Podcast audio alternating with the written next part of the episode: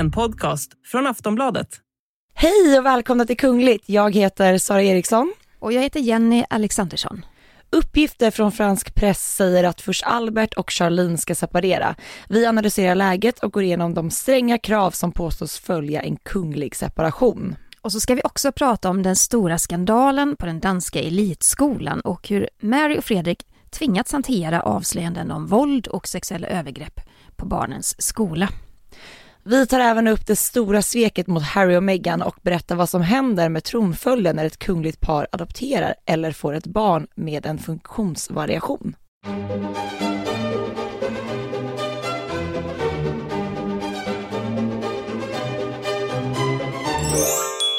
Ja, det är mycket vi har att avhandla idag, Sara. Mycket har vi att avhandla. Vi dyker direkt ner i Monaco. Yes. Eh, många av er har nog inte undgått den här eh, nyheten, men eh, franska Voici, en, eh, en veckotidning om jag minns rätt, eh, skriver om den här separationen. Eh, och det slog ju ner som en bomb. Och många, många fler medier har följt den här rapporteringen nu. Eh, Voici skriver då att det finns tre krav som måste uppfyllas eh, i den här separationen mellan eh, förstinnan Charlene och först Albert. Och det första är att eh, Charlene hon vill bosätta sig i Schweiz permanent. Hon kommer alltså flytta ifrån Monaco. Och det andra är att Charlene ska få 12 miljoner euro per år. Jag tror att det ligger på runt 126-128 miljoner svenska kronor. Mycket pengar. Mycket pengar. Men det innebär också att barnen ska stanna i Monaco med sin pappa. Och den sista punkten det är att Charlene garanteras slippa ha kontakt med sin svägerska, prinsessan Carolina av Monaco. Det är ändå en, en lång kravlista eh, som har eh, dundrat ut. Eh, och man undrar ju också lite, eller jag, det jag främst reagerar på i den här punkten med barnen. Mm. Eh, de ska alltså stanna i Monaco med pappa. Eh, men frågan är också då hur mycket kontakt hon kommer att kunna ha med sina barn. Mm. Även om det inte är jättelångt avstånd så, är det ju tydligt att det inte är någon form av varannan vecka-liv som barnen kommer att leva. Nej. Och det där är ju, det är känsligt Mm. och säkert svårt. Och eh, sen är det ju så här, det här är uppgifter från en fransk tidning. Hovet har inte kommenterat. Hovet har inte sagt någonting om någon separation än så länge. Vi spelar ju in onsdag den 11 Elfte. maj. Mm.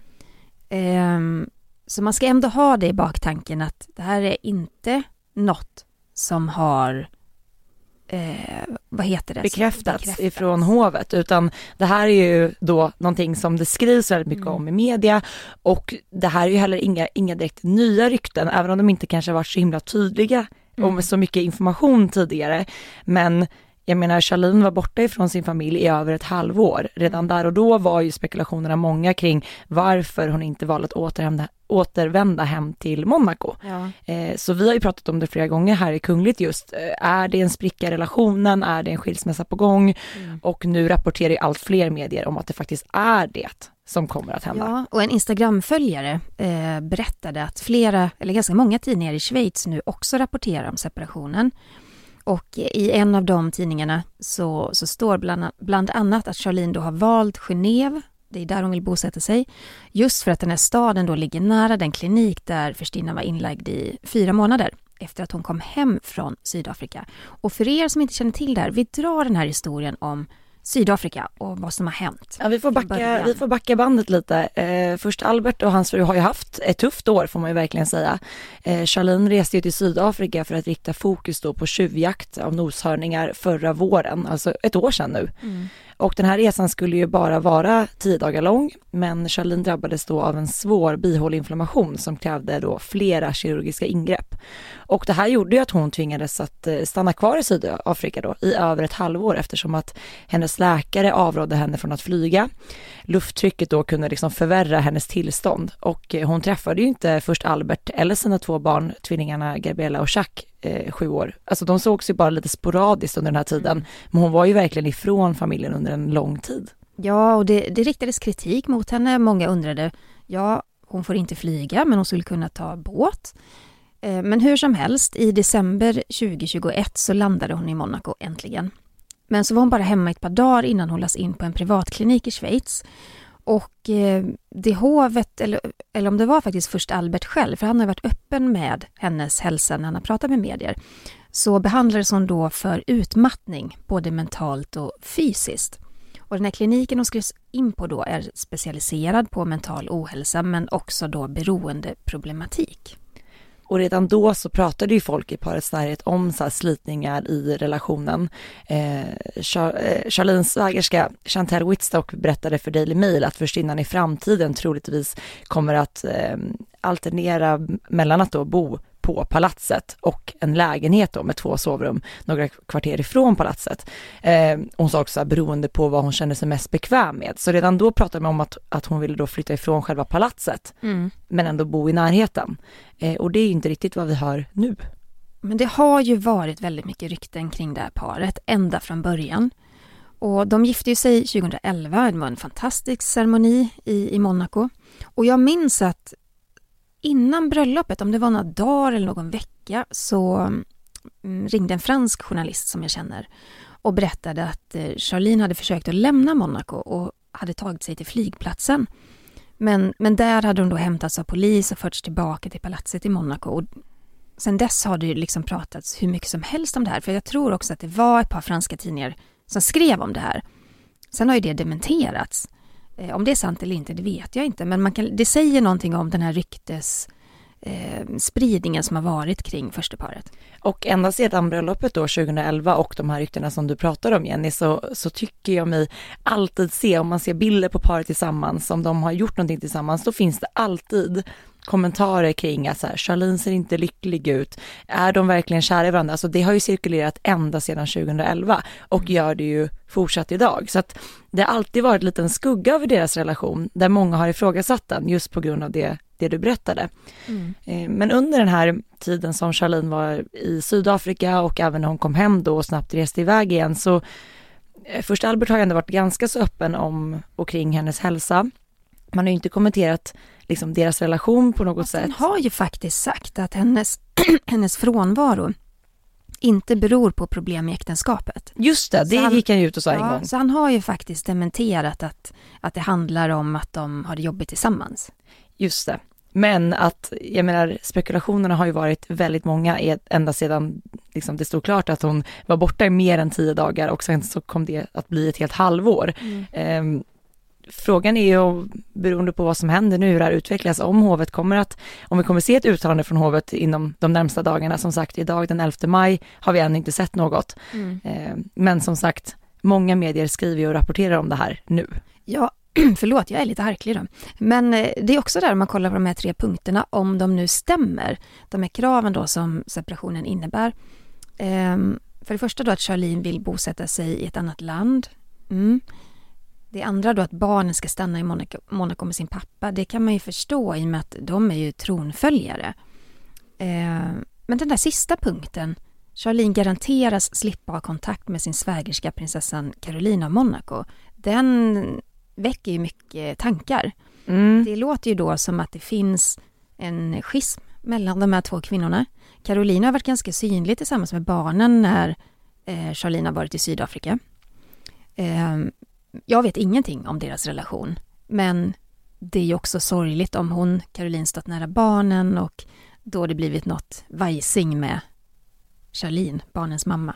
Alltså jag har inte liksom i, i min bevakning av, av kungahuset eller så sett att det skulle vara någon form av, av spricka dem emellan eller att det skulle finnas någon form av intrig liksom. Eh, så att för mig blev det ganska så, så här, jaha, oj, att det här var med på den här kravlistan. Jag vet inte hur du kände när du läste det. Jag förvånad, det är en väldigt konstig punkt. Ja, det var en väldigt konstig punkt, om den nu stämmer, om ska vi säga.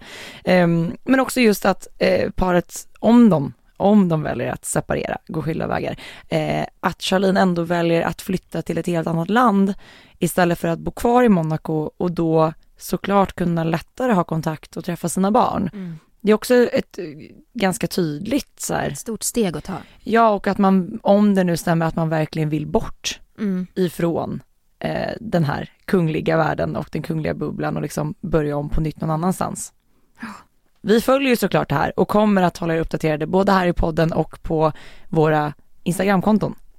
Nu ska vi ta oss till Danmark och den stora skandalen på den kungliga elitskolan Eh, TV-kanalen TV2 har visat en dokumentär som heter Herlufsholms hemligheter och som då handlar om den här elitskolan Herlufsholm som ligger i Nästved. Det är en internatskola och ehm, där många diplomater, näringslivstoppar och kungligheter sätter sina barn lite grann som Lundsberg i Sverige skulle man kunna säga. Ja men de går väl att jämföra, eh, absolut. Och i den här dokumentären så avslöjas eh, fasansfulla saker som har pågått och pågår i den här skolan. Eh, det är svår mobbning, det handlar om våld, misshandel och sexuella övergrepp. Och det är över 50 elever som har berättat om sina erfarenheter då i den här dokumentären.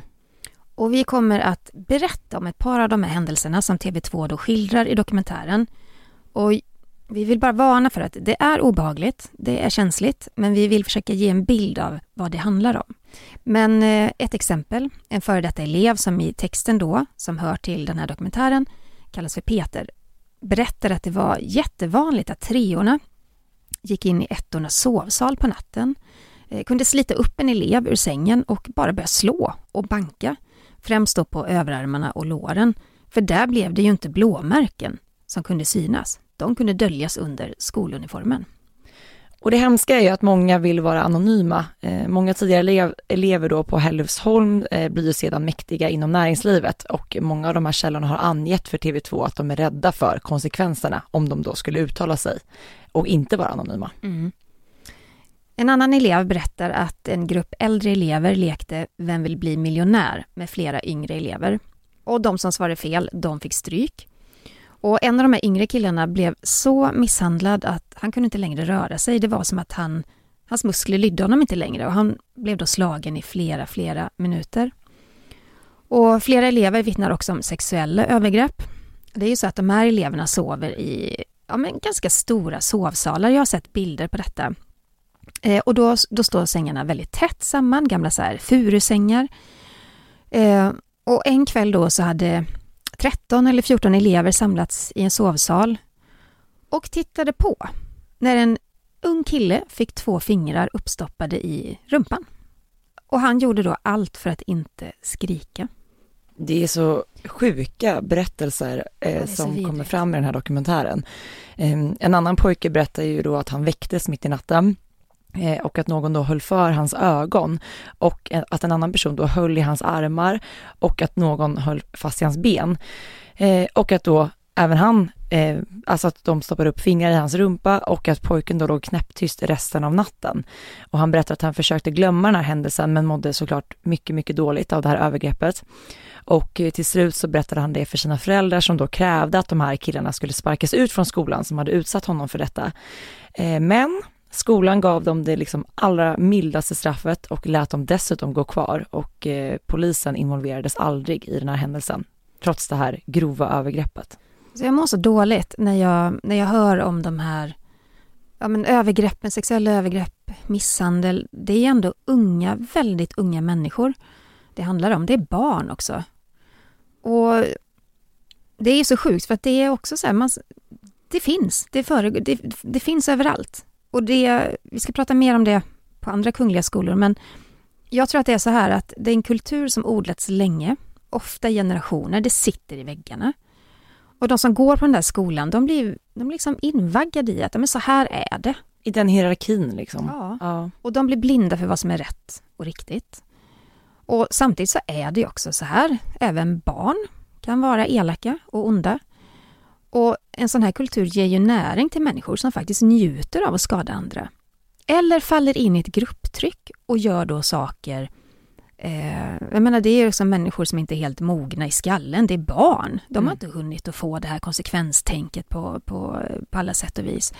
Och kanske det värsta mitt i alltihopa, det är ju då att ingen vuxen tar tag i det. Det blir inga konsekvenser av det ja, men det är verkligen en, en läskig tystnadskultur som råder och det är ju så hemskt att det är så många som blivit utsatta för de här fruktansvärda händelserna.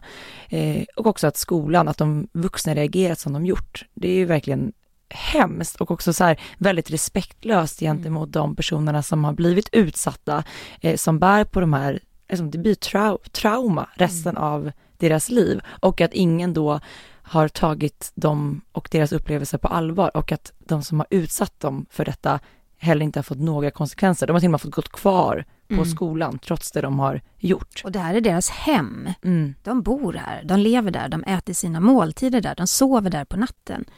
Och barn då vittnar om att de vågar, de vågar inte gå och lägga sig för att de vet inte om de ska bli väckta mitt i natten av slag Nej, av en äldre elev. Precis, det, de som blivit utsatta men också den kulturen som skapas runt omkring det här, den här rädslan som du säger, att liksom man ska känna sig hemma och bo på en plats där man är konstant rädd, även nattetid när man ligger och sover, Mm. för vad man ska bli utsatt av och för av äldre elever. Och att det råder någon form av kultur i det, att det är rätt och att de här äldre eleverna har rätt till att göra så här med de yngre, som att det är någon form av skola i skolan, att man bara ska ta det. Det är, det är vidrigt. Ja, och då undrar man ju vad de ansvariga säger. Eh, rektorn på skolan kommer mest med lama ursäkter. Eh, som att det överallt händer saker som inte bör hända, inte bara på Herlufsholm. Det har han ju rätt i, men det ursäktar ju inte det ansvar som han har för det här. För skolans ledning, de säger i den här dokumentären och i nyhetstexten också då att det inte finns några problem med kulturen på skolan. De säger även att de inte har kännedom om våldsamma händelser på skolan. Jag, har, jag saknar ord. Det är alltså en sånt, det är så kast uttalande. Mm. Det är så dåligt. Ehm, vi vet ju att danska prins Christian, Christian går ju nu på Herlufsholm eh, och till hösten så ska ju även prinsessan Isabella börja där. Eh, prins Nikolaj som är son till prins Joakim har ju också gått på skolan. Eh, man märker ju nu, eller jag har sett mycket i framförallt danska medier, hur det är många som kräver att man tycker att man ska plocka ur eh, prins Christian från den här skolan och Mm. att då prinsessan Isabella inte ens ska börja där. Eh, vi vet ju att eh, eh, lillebror till prins Nikolaj, prins Felix, han bröt ju den här traditionen när han istället valde att läsa på en kommunal gymnasieskola. Mm. Eh, Men kronprins Fredrik och kronprinsessan Mary, de är ju påverkade av detta såklart. Eh, och känner väl också trycket och pressen kring, kring det här. De har gjort ett offentligt uttalande. Och de säger så här på sociala medier. Det är hjärtskärande att höra om systematisk mobbing och om den kränkande våldskultur som många varit en del av. Det är helt oacceptabelt. Som föräldrar förväntar vi oss att skolan säkrar en kultur där alla är trygga och en del av gemenskapen. Och vi vill under den närmaste framtiden följa de förändringar som uppenbart är nödvändiga. Men det här programmet har ju väckt enormt starka, eh, starka reaktioner i hela Danmark. Eh, utbildningsminister Pernille rosenkrantz thiel säger att hon aldrig sett något så allvarligt. Det är ju starka ord. Ja, och också med tanke då i, i motsats till rektorns uttalande så känns det ju ändå som att eh, hon tar det här på allvar nu och att man kommer att se till att det blir konsekvenser och åtgärder av detta, vilket känns som det enda rätta. Ja, och skolledningen fick vi veta i veckan har tillsatt en opartisk utredning. Ehm, En advokat ska granska händelserna och dessutom har ju då den här rektorn fått sparken. Men vi har ju sett liknande händelser här i Sverige. Eh, Vi tar Lundsberg som exempel. Eh, Prins Carl Philip har studerat där, prins Bertil bland andra. Eh, 2013 så fick ju skolan faktiskt stängas. För då framkom det att eh, elever hade bränt varandra med strykjärn. Alltså det är så, när du säger, det är liksom så, det är så sjuka grejer Ja. som, som har hänt och händer. Det var en nollning då som urartade. Eh, och då var det två pojkar som då brändes med det här strykjärnet. Ja, några av dem, det var de här några, ganska unga pojkar då, eh, var på sitt rum när de här sista årseleverna stormade in och de ska då ha släckt ljuset och band för pojkarnas ögon och krävde då att de här nya killarna som ja, precis hade börjat skolan skulle lägga sig ner på golvet och en av pojkarna fick då eh, andra gradens brännskada och en polisanmälan upprättades. Ja, tack och lov. Tack och lov och också tack och lov att det faktiskt blev konsekvenser av det till skillnad Ja. mot vad som hänt i Danmark. Kan du då tänka dig hur många händelser som inte polisanmäls? Mhm.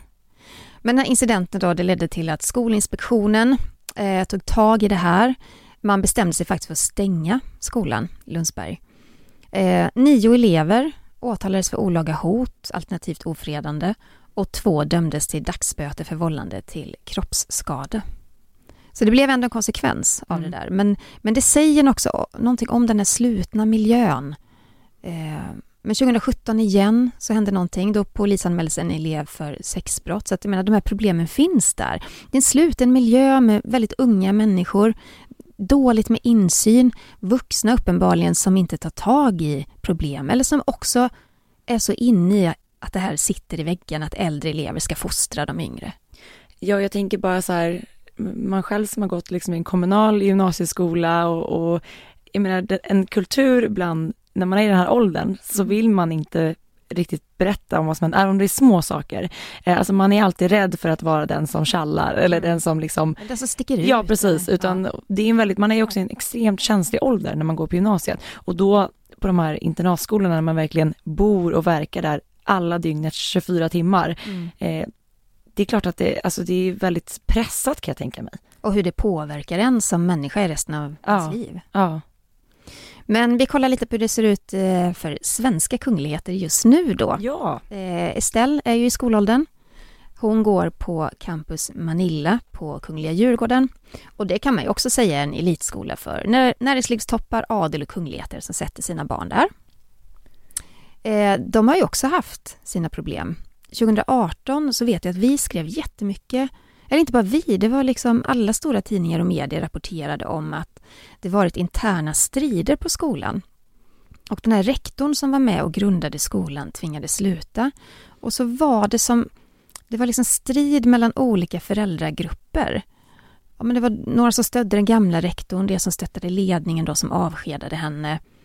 Och det blev också väldigt så här bland föräldrarna, liksom att det blev eh, alltså liksom två föräldragrupper som liksom stred mot varandra eh, i flera månader. Mm. Eh, och det handlar väl mycket om att i samband med att Campus Manila grundades 2013 så skänktes ett, skänkte ett tiotal personer stora summor pengar till den här verksamheten. Och enligt Dagens Nyheter så ska de här givarna då ha donerat runt 18 miljoner kronor. Och eh, bidragsgivarna då har ju egentligen inget formellt inflytande över den här skolan, eh, men i samband med de här konflikterna eh, så ska ju då flera eh, mycket förmögna, förmögna föräldrar har krävt då att få komma på de här mötena med ledningen och i, i olika mejlväxlingar ska flera av de här donatorerna ha beskrivit sig själva som ägarfamiljer, trots då att Campus Manilla kontrolleras av en stiftelse. Mm. Och Campus Manilla, de har också använt sig av en särskild kvot för att bereda barn till kända miljonärer plats på skolan. Mm.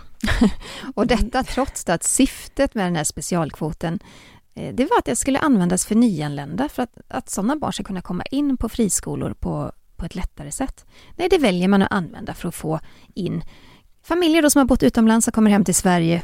Eh, miljardärer, deras barn ska in på den här tjusiga skolan. Mm. Eh, en extra utredning tillsattes ju då efter flera larm och anmälningar mot skolan och i beslutet så radades en skarp kravlista upp med åtgärder då som Campus Manila behövde vidta och det var då fram till den 1 april 2019. Och efter att Skolinspektionen konstaterat flera brister i skolans verksamhet Eh, bland annat om hur skolan då förebygger och hanterar kränkande behandling, klagomål samt elevhälsa. Och i utredningen så vittnade elever om att kränkningar hunnit då eskalera ganska så långt och stort innan lärare anmält händelserna.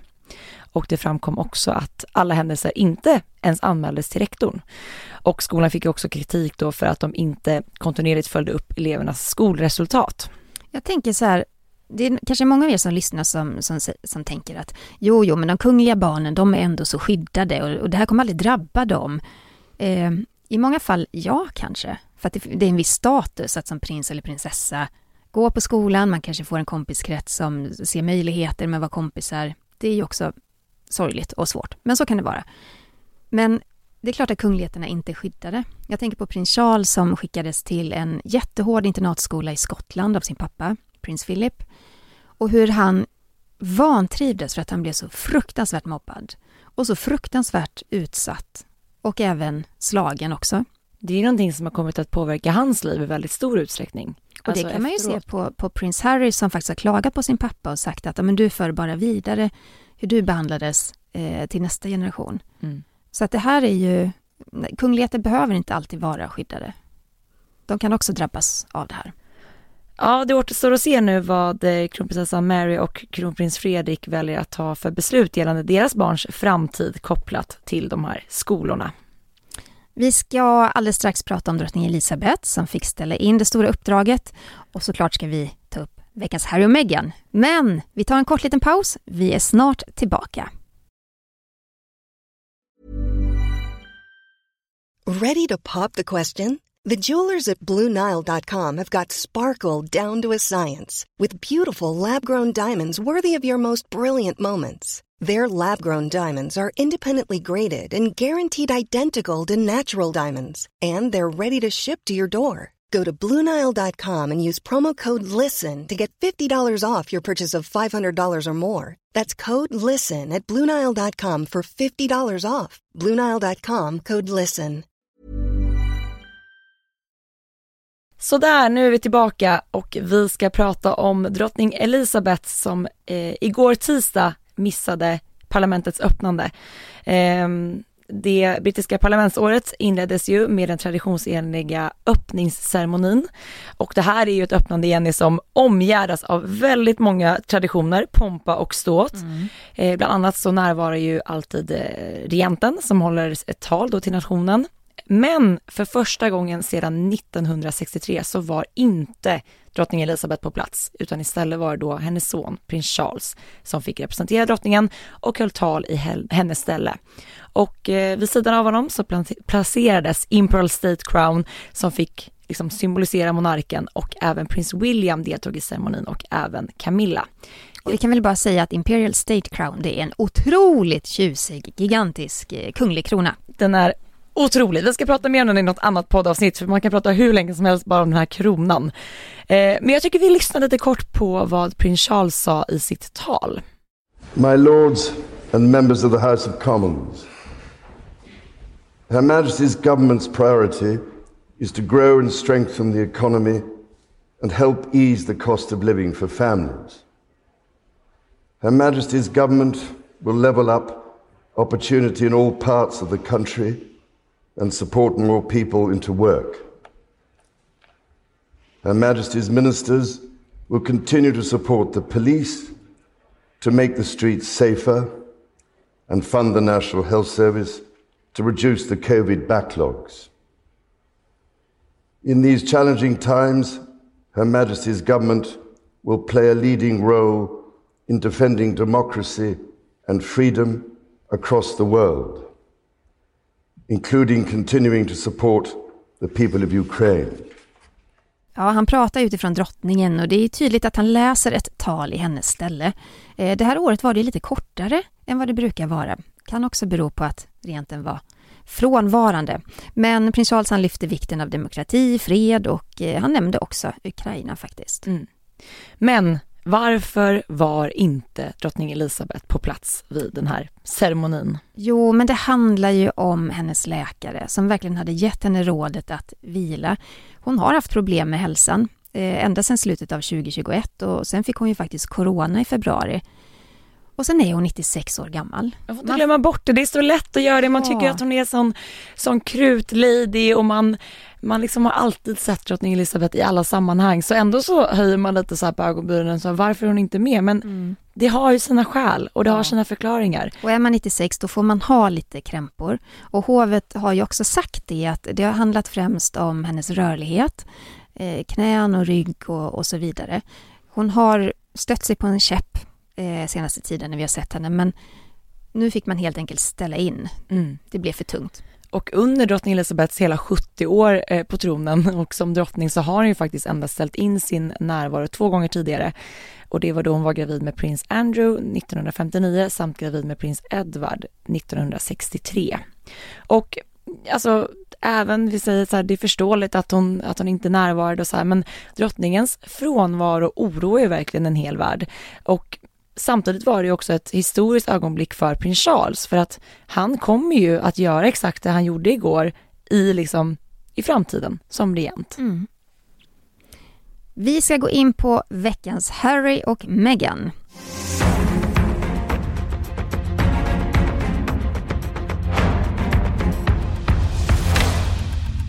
Ja, drottning Elisabeths platinajubileum det firas under hela året. Men kulmen av firandet det, det kommer ske mellan den 2 och 5 juni med storslagna händelser i London. Bland annat militärparaden Trooping the Colour. Då samlas hela kungafamiljen på balkongen på Buckingham Palace och vinkar till folket. Den 6 maj så meddelade drottning Elizabeth att prins Harry, Meghan och prins Andrew inte kommer att få stå med henne på balkongen. Nej, vi fick ju ett uttalande då ifrån Buckingham Palace eh, där det stod så här. Efter noggrant övervägande har drottningen bestämt att det här årets traditionella framträdande på balkongen den 2 juni kommer att begränsa till Hennes Majestäts samt de medlemmar av kungafamiljen som för närvarande fullgör kungliga förpliktelser.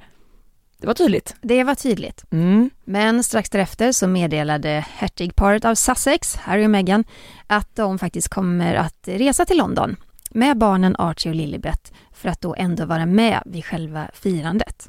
Här tyckte jag det var så tydligt för att det här meddelandet ifrån Buckingham Palace dundrade ut då i fredags Mm. och skapade ju rubriker över en hel värld. Men det tog inte många minuter innan man då eh, från Sussex, eh, Harry och Meghans håll, eh, faktiskt själva meddelade att vi kommer att närvara vid firandet just för att det är klart att det, där känns det verkligen som det fanns en synk i kommunikationen för att då inte spä på några eventuella rykten om att de inte skulle komma eller närvara Mm. överhuvudtaget. Sen har de ju ett väldigt kraftfullt eh, PR-team eh, som jobbar med dem.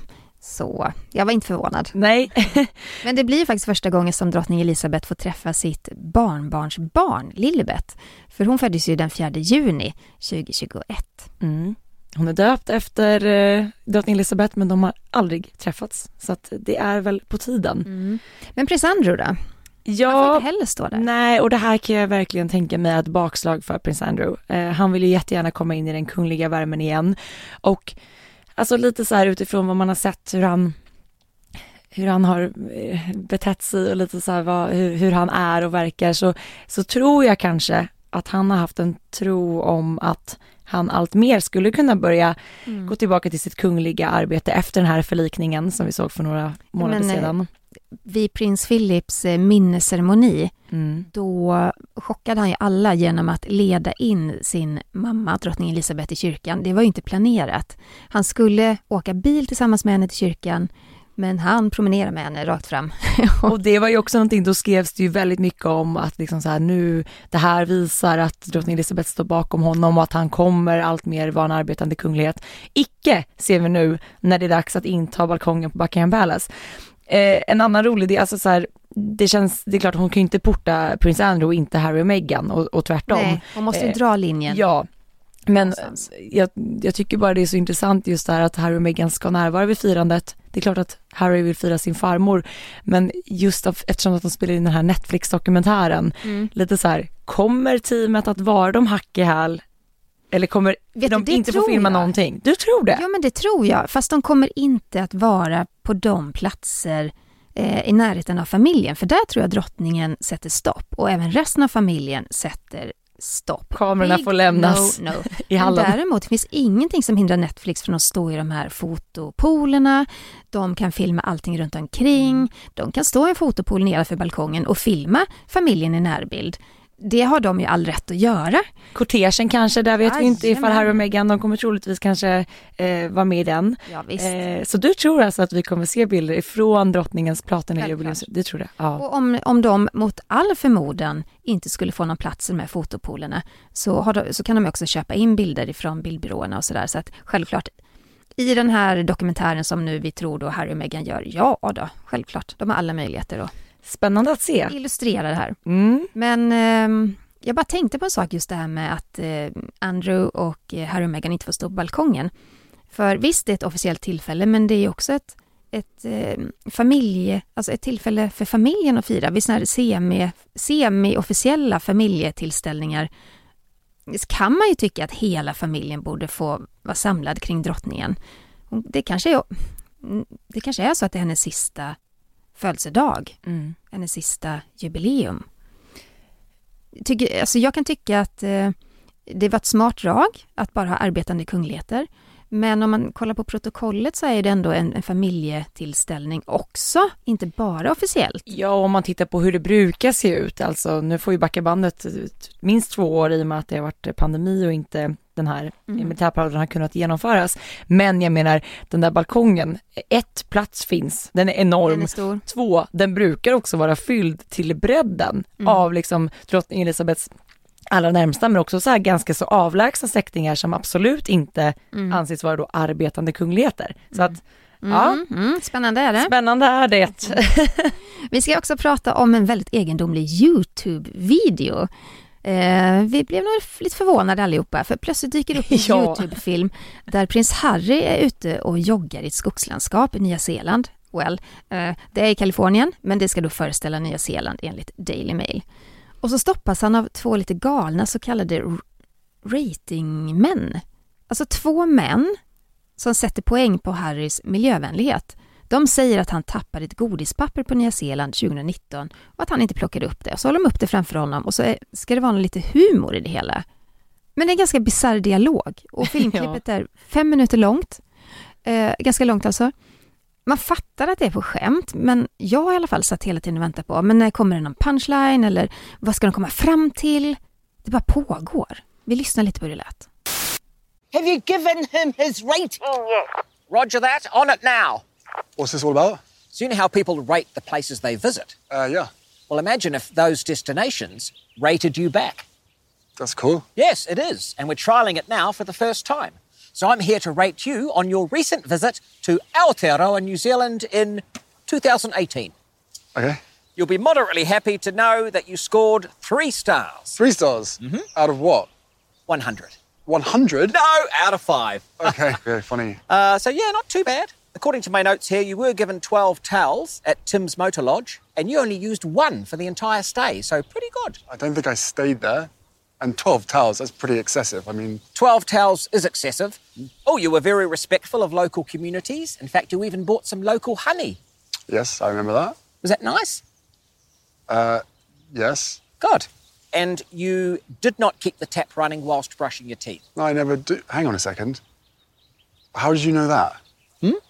How did you know that? That's really weird. Det är lite så här nonsens. Man fattar inte riktigt vad syftet med det här är. Faktiskt. Alltså det, det är väldigt oklart. Ja. Sen visade det sig vara en lansering då av prins Harrys första projekt för Travelist i Nya Zeeland. Och Travelist är ju hans organisation som arbetar för ett mer miljövänligt sätt att resa. Okej, men, men ändå, det är så konstigt. Och det var väl det som blev så kritiserat också i och med att det här miljövänliga sättet att resa och sen såg man hur Harry och Meghan åkte privatjet Ja. kors och tvärs. Ja, det är så mixade signaler. Men det var också en t-shirt i det här klippet som jag reagerade lite på. Vad, vad tycker du om den? Berätta om den. Nej men han har på sig en t-shirt där det står Girl Dad. Ehm, och han är heller inte så här, jag vet inte, jättebra på att agera framför kameran. Eh, Nej, det var han inte.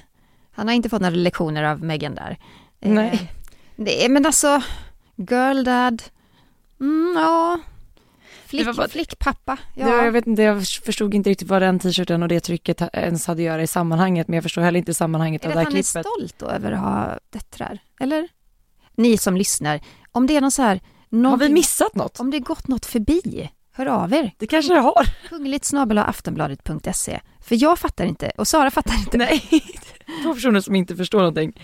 Men eh, Harry besökte ju Nya Zeeland 2015 eh, när han var inom Försvarsmakten och han reste ju sen tillbaka dit med Meghan 2018.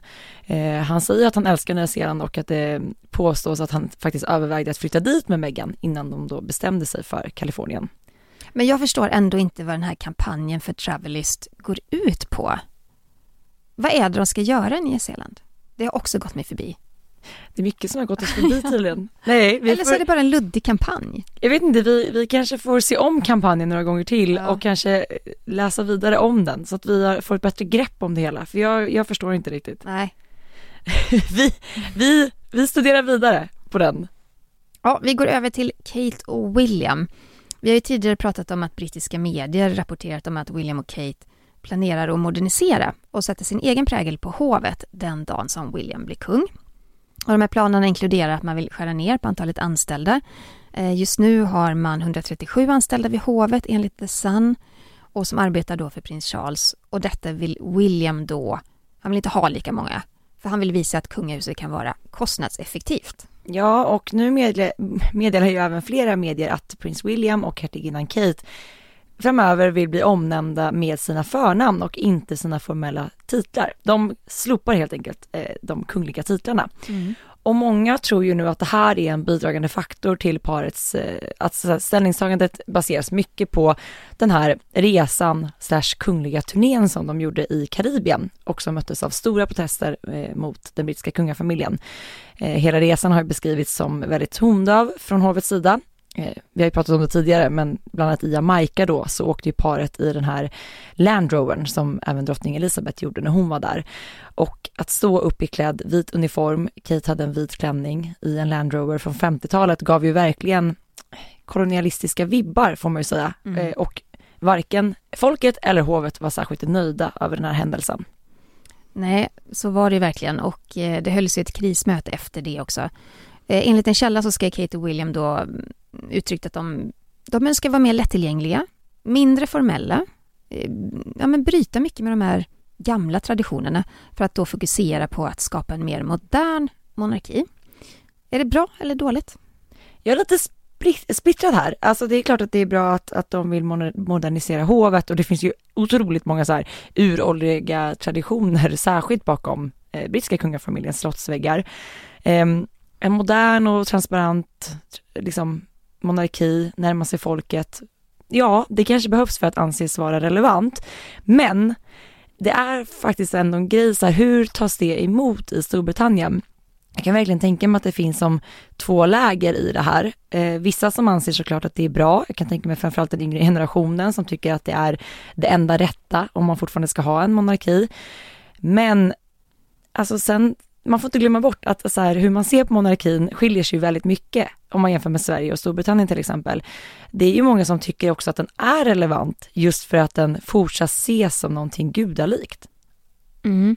Förstår du vad jag menar där? Alltså jag att, förstår absolut vad, vad du menar. Jag, jag skulle nog inte använda gudalik, men om man pratar om, om, om det, för jag tror vi menar samma sak ändå. Jag skulle mer vilja säga att eh, mystik och upphöjdhet. mm, Ehm, och, och att en kungafamilj har, är lite mystisk, att de är lite mer upphöjda än vi andra. Det tror jag är nödvändigt.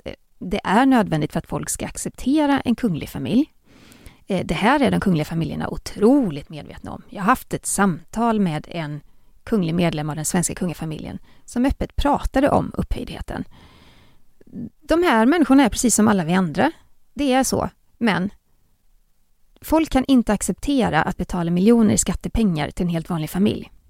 Men folk kan acceptera att ha en kungafamilj om de är lite mer upphöjda, om de har lite bättre moral, om de omges av lite mer mystik. Det är ju ingen hemlighet. Och jag tror att om Kate och William lägger av sina kungliga titlar, om man ska börja kalla dem bara för Kate och William, där försvinner lite av den här mystiken faktiskt. Mm. Det ska bli spännande att se om, om, man faktiskt, om de paret faktiskt kommer att, att göra det här. Ja, eller om det bara är en mediavinkling. Det återstår att Vi se. får se. Den som Vi lever får se. Exakt. Vi har fått lite lyssnarfrågor. Eh, jättekul. Skicka gärna fler till kungligt aftonbladet.se. Det har kommit en fråga ifrån Herman som skriver så här. Hej! Om prinsessan Estelle eller prins Oscar skulle välja att gifta sig med en person av samma kön, vilken titel skulle den personen få? Till exempel prinsessan Estelles fru eller prins Oscars man. Om jag tänker så här att om prinsessan Estelle skulle gifta sig med en kvinna så blir då troligen hennes fru titulerad som prinsessa och den dagen som Estelle då blir drottning så är ju hennes fru fortsatt prinsessa. Det är ju egentligen samma sak som att hon, om hon skulle välja då att gifta sig med en man så kommer ju han att förbi, förbli prins den dagen hon blir drottning. Och skulle prins Oscar gifta sig med en man så antar jag att båda två kommer att tituleras som prinsar. Mm. Mm. Vi har fått ytterligare en lyssnarfråga, eh, eller det är två frågor ifrån Olivia eh, som skriver så här. Vad hade hänt, hur skulle man hantera om en tronarvinge inte skulle kunna få egna barn? Säg att Victoria Daniel skulle ha behövt IVF-behandling och donerade ägg för att Victoria skulle kunna bli gravid. Eller skulle de kunna adoptera en tronarvinge? Mm, jättespännande fråga. Jag, jag har liksom märkt att just de här frågorna som, som gäller tronföljd och, och olika problem, det är ni jätteintresserade av. Kul. Eh, så här. De regler som gäller för alla andra medborgare i Sverige, de gäller också för kungafamiljen. Och ett adopterat barn betraktas ju juridiskt som ett biologiskt barn. Därför kan ju, vi tar Victoria Daniel som exempel då, de kan adoptera ett barn om de inte kan få egna och det skulle betraktas som deras barn och ha en plats i tronföljden.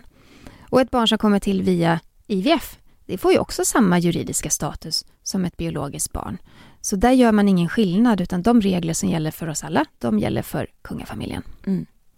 Och Olivia har ju skri- skickat in en till fråga eh, där hon skriver så här. Vad hade hänt om första barnet eh, hade fötts med en funktionsvariation? Hade detta barn accepterats som tronarvinge eller hoppar man över tronföljden då till nästa barn? Har detta hänt i något annat kungahus i modern tid? Ja, eh, spännande fråga det här också. I grunden så handlar ju detta om att en regent måste kunna utföra sitt ämbete. Och om man då bedömer att en tronföljare inte kan det, så blir det ju den person som står näst i tur som får ta över tronen. Och det finns exempel. Vi kan ta drottning Margrethe som, som exempel. När hennes pappa, Fredrik IX, dog så skulle kronan egentligen ha ärvts av Fredrik IXs bror Knud. För man hade nämligen fortfarande manlig tronföljd då på 50-talet. Men så var det många som ansåg att Knud och hans son Ingolf inte var, de var inte lämpliga som regenter. Och exakt vad det handlade om, ja en del beskrev honom som lite tafatt och så vidare.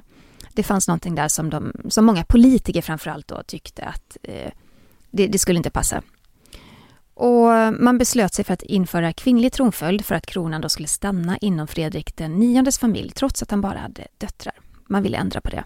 Och det krävdes en folkomröstning och två parlament för att få igenom förändringen och 1953, sex år efter att processen hade startats, så var den här ändringen då genomförd. Och Margareta har ju faktiskt, hon har ju, hon har ju kommenterat det här. Eh, och i dokumentären Fredrik IX så säger hon så här. Det var självklart en fråga som skulle avgöras enligt konstens alla regler och så blev det också. Men det var självklart inte helt enkelt för min farbror. Verkligen inte. Och Margrethe hon blev Danmarks första regerande drottning på närmare 600 år. Men, men jag kan också förstå då hennes farbror Knut, att det var ju egentligen han som, som enligt reglerna då skulle ta över kronan. Mm. Så det här... Eh, det är klart att det är en komplicerad situation och kan säkert bli sårigt och, och jobbigt i familjen men, men som det är nu så verkar det ju som att det finns en... Eh, ja men det tidigt fanns ändå en acceptans och att man, man till slut tyckte att det här var den bästa lösningen. Och även om, om, eh, om det liksom gick till på det här sättet så bidrog ju också den här omröstningen till att de faktiskt fick kvinnlig tronföljd i Danmark. Eh, så den delen i det hela var ju väldigt positiv. Mm. Ja men verkligen. Vi blir jätteglada när ni skickar in lyssnarfrågor till oss. Fortsätt gärna att göra det. Var mejlar man då Jenny? Man mejlar till kungligt aftonbladet.se. Och glöm inte att följa oss på sociala medier. Vi uppdaterar nästan till varje dag, eller du uppdaterar verkligen varje dag Jenny, eh, främst på Instagram. Ja, där heter jag Kungligt med Jenny och var hittar man dig Sara? Rödlistan.se. Tack snälla för att ni har lyssnat den här veckan. Ha det så gott, hej då! Hej då!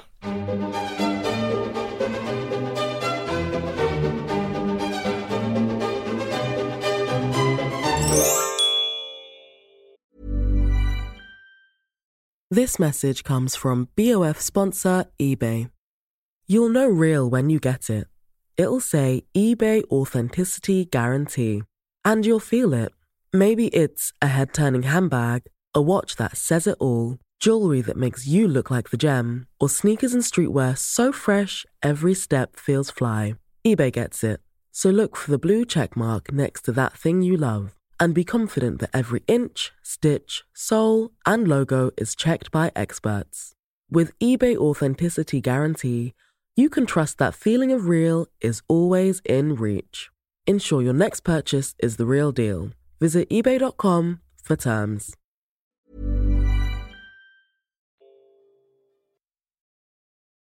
Du har lyssnat på en podcast från Aftonbladet. Ansvarig utgivare är Lena K Samuelsson.